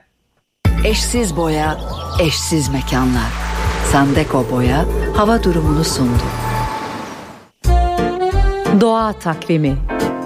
Bugün 30 Ocak 2024 Salı. NTV Radyo iyi günler diler. Vapur dumanı, kaynana dili, gelin feneri, nezle otu. Bunlar bazı bitki adlarından örnekler. Ya görüntüsü benzetilen şeyin adı veriliyor ya yetiştiği yerin ya da kullanıldığı alanın adı. Türkçe bitki adlarını anlam bilimi açısından inceleyen kayıtlara göre mesela yoğurt çiçeği ömrü bir yıl olan otsu bir bitki. Dil şeklinde çiçekleri beyaz, tüp şeklindeki çiçekleri sarı renkli.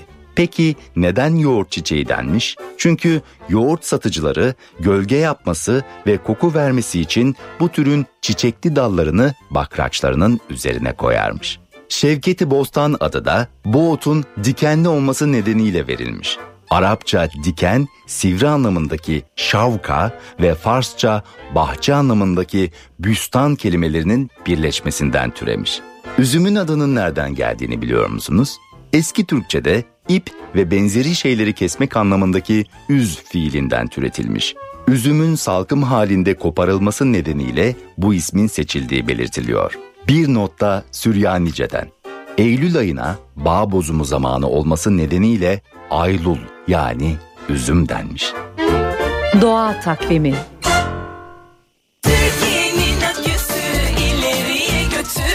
Yiğit Akü yol durumunu sunar. Karayolları Genel Müdürlüğü duyurdu. Malkara Tekirdağ yolunun 16-17. kilometrelerinde ve Elazığ Malatya yolunun 26-27. kilometrelerinde yol bakım çalışmaları yapıldığından ulaşım kontrollü olarak sağlanıyor. Sürücüler dikkatli seyretmeli. Yiğit Akü yol durumunu sundu.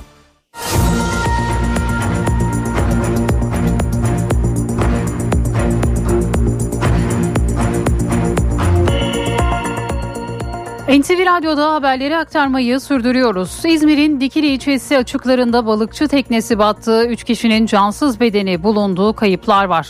Oğuz İrgit adlı balıkçı teknesi gece Salihler Altı açıklarında battı. Teknede bulunan 10 kişiden Oğuz İrgit, İsmet Akdağ ve Orhan Pancar'ın cansız bedenine ulaşıldı.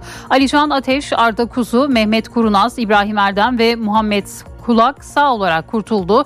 Vatan teknede bulunan ve denizden kaybolan Medine Karaduman ve Gökhan Çakır aranıyor çalışmalara. Sahil Güvenlik Komutanlığı'na ait 3 bot ve bir helikopter katılıyor. Cumhurbaşkanı Recep Tayyip Erdoğan Eskişehir'de gençlerle bir araya geldi. Gençlerin sorularını yanıtlayan Cumhurbaşkanı Erdoğan'a Lahey Adalet Divanı'nın İsrail'e yönelik aldığı ihtiyadi tedbir kararı soruldu. İsrail'in beklemediği bir sonuçla karşı karşıya kaldığını belirten Erdoğan, yeterli mi değil, şimdi biz bunu daha da genişletme gayretindeyiz dedi. Erdoğan'a Alper Gezer Avcı'nın uzay yolculuğuna yönelik turistik gezi eleştirileri de hatırlatıldı. Şu anda tabii Lahey Adalet Divanı'ndan çıkan bu karar İsrail'in aslında beklemediği bir karar oldu. Öyle veya böyle biz beklediğimiz neticeyi aldık. Yeterli mi? Yeterli değil. Şimdi bunu çok daha genişletmenin gayreti içerisindeyiz. Cumhurbaşkanı Recep Tayyip Erdoğan Lahey Adalet Divanı'nın İsrail ile ilgili attığı ihtiyati tedbir kararını bu sözlerle değerlendirdi. Erdoğan, İsrail Başbakanı Benjamin Netanyahu'nun kendi ülkesinde istenmeyen adam haline geldiğini söyledi. Şu anda kendi ülkesinde artık Netanyahu lanetli hale geldi ve lanetlenecek. İnsanlık lanetleyecek onu. Biz kovalıyoruz, o kaçacak. Sonuna kadar. Kovalayacağız, kaçacak. Ve sonunda zafer Hakka inananların olacak. Eskişehir'de gençlerle bir araya gelen Cumhurbaşkanı Erdoğan yerel seçimlere ilişkinde değerlendirmelerde bulundu. Şimdi bu yerel seçimlerde inşallah bizler ciddi manada mevcut büyükşehir belediyelerimizi, il belediyelerimizi kaça çıkaracağız? Onun hesabı içerisindeyiz. Cumhur İttifakı olarak bu sayıyı ne kadar yükselteceğiz? Buna bakacağız ve gümbür gümbür inşallah geleceğiz. Erdoğan, Alper Gezer Avcı'nın uzay yolculuğuna yönelik eleştirilere de yanıt verdi. Ufukları kendi bireysel hırslarından ibaret olan bir güruh ilk astronotumuz Alper Gezer Avcı'nın yaptığı işe ne dediler? Turistik gezi. Ya ayıptır ya. Ne dediler? Ya bu kadar para harcanır mı? Evet. Devlet olursan, adam gibi adam olursan harcanır. Bu turistik gezi değil. Bu sizleri, bu nesli işte uzaya hazırlamak için atılmış adımlardır. Aday belirleme çalışmalarını sürdüren CHP'de Merkez Yönetim Kurulu ve Parti Meclisi Genel Başkan Özgür Özel Başkanlığında toplandığı gündemde İzmir Büyükşehir Belediye Başkan adayı ve İzmir'in ilçelerinde gösterilecek adaylar vardı. Toplantıların ardından alınan kararla CHP'nin İzmir Büyükşehir Belediye Başkan adayı Karşıyaka Belediye Başkan adayı Cemil Tugay oldu. Büyükşehir yanı sıra ilçe belediyelerinde de büyük bir değişim gerçekleşti. CHP'nin İzmir Büyükşehir Belediye Başkan adayı kim olacak? Haftalardır merakla beklenen sorunun yanıtı belli oldu. İzmir Büyükşehir Belediye Başkanı Tunç Soyer yeniden aday gösterilmedi. Soyer'in yerine Karşıyaka Belediye Başkanı Cemil Tugay İzmir Büyükşehir Belediye Başkanı adayı oldu. CHP'de İzmir Büyükşehir Belediye Başkan adayının yanı sıra İzmir'in ilçelerinde aday gösterilecek isimler de belli oldu. Büyükşehir Belediye Başkanlığında yapılan değişim ilçelere de yansıdı. CHP yönetimindeki 23 belediyenin 20'sinde mevcut belediye başkanları aday gösterilmedi. Yalnızca Dikili Belediye Başkanı Adil Kırgöz, Seferihisar Belediye Başkanı İsmail Yetişkin ile Selçuk Belediye Başkanı Filiz Cerisoğlu Sengel yerini korumaya başardı. Cemil Tugay sonrası Karşıyaka Belediye Başkan adayı olarak Behice Yıldız İşçimenler Ünsal belirlendi. Çeşme'den aday gösterilen isimse ünlü teknik direktör Mustafa Denizli'nin kızı Lal Denizli aday gösterildi. Bornova'da Ömer Ekşi, Bayraklı'da İrfan Önal, Buca'da Görkem Duman, Konak'ta Nilüfer Çınarlı Mutlu, Urla'da Selçuk Balkan ve Foça'da Saniye Bora Fıçı diğer aday gösterilen isimler oldu. Aday gösterilen isimlerin 9'unun kadın, 12'sinin ise 40 yaş altı isimlerden oluşması dikkat çekti. 2019 seçimlerinde İzmir'de diğer partilerin kazandığı 6 ilçe bulunuyor. Bu ilçelerde aday gösterilecek isimler de netleşti. Ali Ağa'da Çağatay Güç, Bayındır'da Davut Sakarsu, Bergama'da Tanju Çelik, Kınık'ta Sema Bodur, Kiraz'da Nasuh Coşkun ve Tire'de Hayati Okuroğlu aday gösterildi. Yerel seçim çalışmalarına hız veren AK Parti seçim beyannamesini bugün paylaşacak. Beyannamenin açıklanacağı toplantı AK Parti Genel Merkezi'nin yeni ek binasında yapılacak. Türkiye yüzyılı için gerçek belediyecilik adıyla hazırlanan beyannamede kentsel dönüşüm vurgusu ön planda olacak. AK Parti'de adaylarının açıklanmasının ardından gözler seçim beyannamesine çevrildi. Cumhurbaşkanı Recep Tayyip Erdoğan'ın açıklayacağı beyannamede gerçek belediyecilik vurgusu yapılacak. Afetlere dirençli şehirlere yönelik projeler ön planda olacak. AK Parti'nin beyannamesi Türkiye yüzyılı için gerçek belediyecilik temasıyla hazırlandı. 8 başlıktan oluşan beyanname 200 sayfadan oluşuyor. Partinin yerel yönetim vizyonu anlatılıyor dirençli şehirler vurgusu yapılıyor. Sosyal belediyecilik ve kültür üreten şehirler gibi bölümlerin de yer aldığı beyannamede hizmet ve eser belediyeciliği ile ilgili vaatler sıralanıyor. Katılımcılık, şeffaflık, toplumsal refah, öncelikli şehir ekonomileri öne çıkıyor. Beyannamede sahipsiz sokak hayvanları ile ilgili yapılacak yasal düzenlemeye de yer verilecek. Bu konuda belediyelere verilecek sorumluluklar detaylı bir şekilde anlatılacak. AK Parti'nin seçim beyannamesindeki bir diğer önemli başlık da mahalle kreşleri. Türkiye genelinde mahalle kreşlerinin hızla yaygınlaştırılacağı, böylece özellikle çalışan annelerin taleplerinin karşılanacağı ifade edilecek. CHP 31 Mart yerel seçimlerinde siyasi partilerin oy pusulasındaki yerlerini belirleyen kura çekimine itiraz etti. Açıklamayı CHP Genel Başkan Yardımcısı Deniz Yavuz Yılmaz sosyal medya hesabı üzerinden yaptı. Yavuz Yılmaz açıklamasında cumartesi günü yapılan kura çekiminin video görüntülerinden de anlaşılan şaibeli durumlar nedeniyle yasal itiraz süresi içinde bu kuraya resmi itirazımı yapıyorum ifadelerini kullandı. Kura sonucunda AK Parti birinci sırada CHP ise 18. sırada pusulada yer bulmuştu. Ankara Büyükşehir Belediye Başkanı Mansur Yavaş seçim çalışmalarına devam ediyor. CHP'nin adayı Yavaş esnaf odalarını ziyaret etti. Esnafımızın yanında olmaya devam edeceğiz dedi. Yaptığımız işlerin birçoğu öyle bir kişiye iki kişiye yarayan işler değil. Esnafı hep ayakta tutacak şeyler. Ankara Büyükşehir Belediye Başkanı Mansur Yavaş seçim çalışmalarına devam ediyor. Esnaf odalarını ziyaret eden Yavaş'ın ilk durağı Ankara Esnaf ve Sanatkarlar Odaları Birliği'ydi. Ardından Ankara Minibüsçüler Odası'nı ziyaret etti. Esnafımızın yanında olmaya devam edeceğiz dedi. Otobüslere destek oluyoruz. Dolmuşçulara da destek olalım dedik. Amacımız şu, siz zarar etmeyin, vatandaş ucuz binsin. Çünkü ekonomik şartlar ortada. Şimdiye kadar EBO'dan sübvanse ettiğimiz miktar 6,5 milyar lirayı buldu. Yavaş son olarak Ankara Özel Halk Otobüsçüler Esnaf Odası'na gitti. Gündemde uzun süredir tartışma konusu olan ücretsiz yolcu taşıma tartışması vardı. Yavaş çözüm önerilerini anlattı. Ücretsiz taşımanın oranı çok fazla. İnşallah bunda da hükümet kanunda bir düzenleme yaparsa 65 e, yaşta sadece ihtiyacı olanlara vermek, belli saatlerde kullanması gibi formüller hayata geçirilirse daha adil bir çözüm olacaktır diye düşünüyoruz.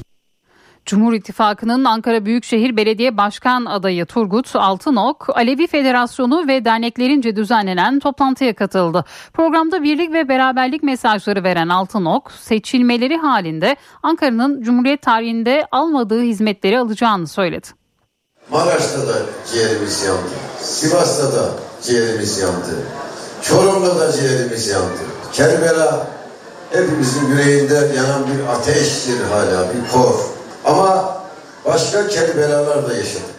Cumhur İttifakı Ankara Büyükşehir Belediye Başkan adayı Turgut Altınok seçim çalışmalarına devam ediyor. Mamak'ta Alevi Federasyonu ve derneklerince düzenlenen etkinliğe katılan Altınok birlik ve beraberlik mesajı verdi. Yüreklerimizi, kalplerimizi, kapılarımızı birbirimize açmalıyız. Ön yargıları kırıp fitne tohumlarını ortadan kaldırıp kardeşlik ve sevgi tohumlarını hep beraber yeşertmeliyiz. Altınok seçimleri kazanmaları halinde Ankara'da büyük bir dönüşüm başlatacaklarını ifade etti. Eserlerle bu şehri Atatürk'ün bize mirası olan bu kadim başkenti hep beraber hak ettiği yere taşımaya Altınok yola çıktı. Gerisi sizin desteklerinizle değerli canlar. Ankara Cumhuriyet tarihinde aldığı hizmetlerden fazlasını 5 yılda alacak. NTV Radyo Türkiye İstatistik Kurumu gelir ve yaşam koşulları araştırmasını yayımladı. Verilere göre Türkiye'de gelir dağılımı eşitsizliği tarihin en yüksek seviyesinde çıktı. Araştırmaya göre en yüksek gelir grubunun toplamdan aldığı pay %50'ye yaklaştı. Türkiye'deki gelir dağılımı eşitsizliği tarihin en yüksek seviyesine çıktı. Türkiye İstatistik Kurumu gelir ve yaşam koşulları araştırmasını yayınladı. Rapora göre yıllık ortalama hane halkı kullanılabilir geliri yani bir ailenin temel ihtiyaçlarını karşılamak ve tasarruf yapmak için kullanacağı toplam miktar 2022 yılında %70,7 artışla 167.983 lira oldu. En yüksek hane halkı fert geliri 114.634 lirayla İstanbul'da gerçekleşirken İstanbul'u 108 bin lirayla Ankara, 101 bin lirayla Tekirdağ, Edirne, Kırklareli bölgesi izledi. Verilere göre en yüksek gelir grubunun toplam gelirden aldığı pay 2022 yılında %49,8'e yükseldi. Bu oran 2021'de %48 seviyesindeydi. En düşük gelire sahip %20'lik grubun payı ise %5,9 düzeyinde. TÜİK raporunda gelir eşitsizliğini ölçen Gini katsayısı da açıklandı. Sıfırdan bire yaklaştıkça gelir dağılımındaki eşitsizliğin arttığı anlamına gelen katsayı 0,018 puan artışla 0,433'e ulaştı ve tarihin en yüksek seviyesini gördü. Araştırma sonucuna göre Türkiye'de gelir eşitsizliğinin en az olduğu inler Zonguldak, Karabük ve Bartın olurken eşitsizliğin en fazla ölçüldüğü inler Ağrı, Kars, Iğdır, İstanbul ve Ankara oldu. İki kentten soba kaynaklı ölüm haberleri geldi. Van'ın Özalp ilçesinde yangın çıkan evde 6 aylık Şerzan bebek hayatını kaybetti. Kayseri'de de 80 yaşındaki Hürü Bayram sobadan sızan gaz sonucu zehirlendi. Ekipler yangını söndürebilmek için zamanla yarıştı. Ancak tek katlı evde mahsur kalan 6 aylık bebek kurtarılamadı. Van'ın Özalp ilçesinde yaşayan Güler ailesi kışın soba yakarak ısınıyordu. Pazar akşamı da hava soğuk olduğu için uyumadan önce soba yakmışlardı. Saatler sonra ailenin yaşadığı tek katlı evden alev yükseldiğini görenler itfaiyeye ihbarda bulundu. Bölgeye ekip sevk edildi. Yangın yoğun uğraşlarla kontrol altına alındı. İçeri giren ekipler 6 aylık Şerzan Güler'in hayatını kaybettiğini belirledi. Dumandan etkilenen anne ve diğer iki çocuğu hastaneye kaldırıldı. Kayseri'den de soba kaynaklı ölüm haberi geldi. Kocasinan ilçesinde yalnız yaşayan Hürü Bayram'dan uzun süre haber alamayan yakınları polise haber verdi. Eve giren ekipler 80 yaşındaki kadının sobadan sızan karbon monoksit gazı nedeniyle zehirlendiğini belirledi. Kadının ölümüyle ilgili soruşturma başlatıldı. Batın bölgesinden ameliyat olan İngiltere Veliaht Prensi William'ın eşi Galler Prensesi Kate'in hastaneden taburcu olduğu açıklandı. Aynı hastanede prostat, e, prostat ameliyatı olan Kral Charles'ın da kısa süre sonra taburcu edildiği haberi geldi. Kensington Sarayı'ndan yapılan açıklamaya göre Galler Prensesi Kate'in durumunun iyi ve iyileşme sürecinde olduğu açıklandı. 42 yaşındaki Prenses Kate'te kanserli dokuya rastlanmadığı belirtiliyor. Kate 16 Ocak'ta Londra'da özel bir hastanede ameliyat olmuştu. Aynı hastanede prostat ameliyatı olan 75 yaşındaki Kral Charles da Kate'den kısa süre sonra taburcu edildi. Fransa'da hükümetin tavizlerine rağmen çiftçi eylemleri sürüyor. Çiftçiler Paris'e giden otobanları kapattı. Protesto eylemleri komşu Belçika'ya da sıçradı. Paris'in kuzeyindeki Beauvai'de toplanan işçiler A16 otobanını trafiğe kapattı. Çiftçiler hedeflerinin Paris'e ilerlemek olduğunu söylüyor. Eylem yapan çiftçiler hükümetin tarım politikalarına tepkili. Protestolar sonrasında çiftçilerin kullandığı dizel yakıta yönelik devlet sübvansiyonlarını kademeli olarak azaltma planından vazgeçildi. Başbakan Gabriel Attal çiftçilere destek için acil durum tedbirleri açıkladı. Ancak bu adımlar yeterli bulunmadı. Ülkenin önde gelen tarım işçi sendikaları eylemlerin devam edeceğini duyurdu. Diğer taraftan eylemler komşu Belçika'ya da sıçradı. Ülkenin güneyindeki otobanları kapatan çiftçiler başkent Brüksel'de de traktörleriyle eylem yaptı.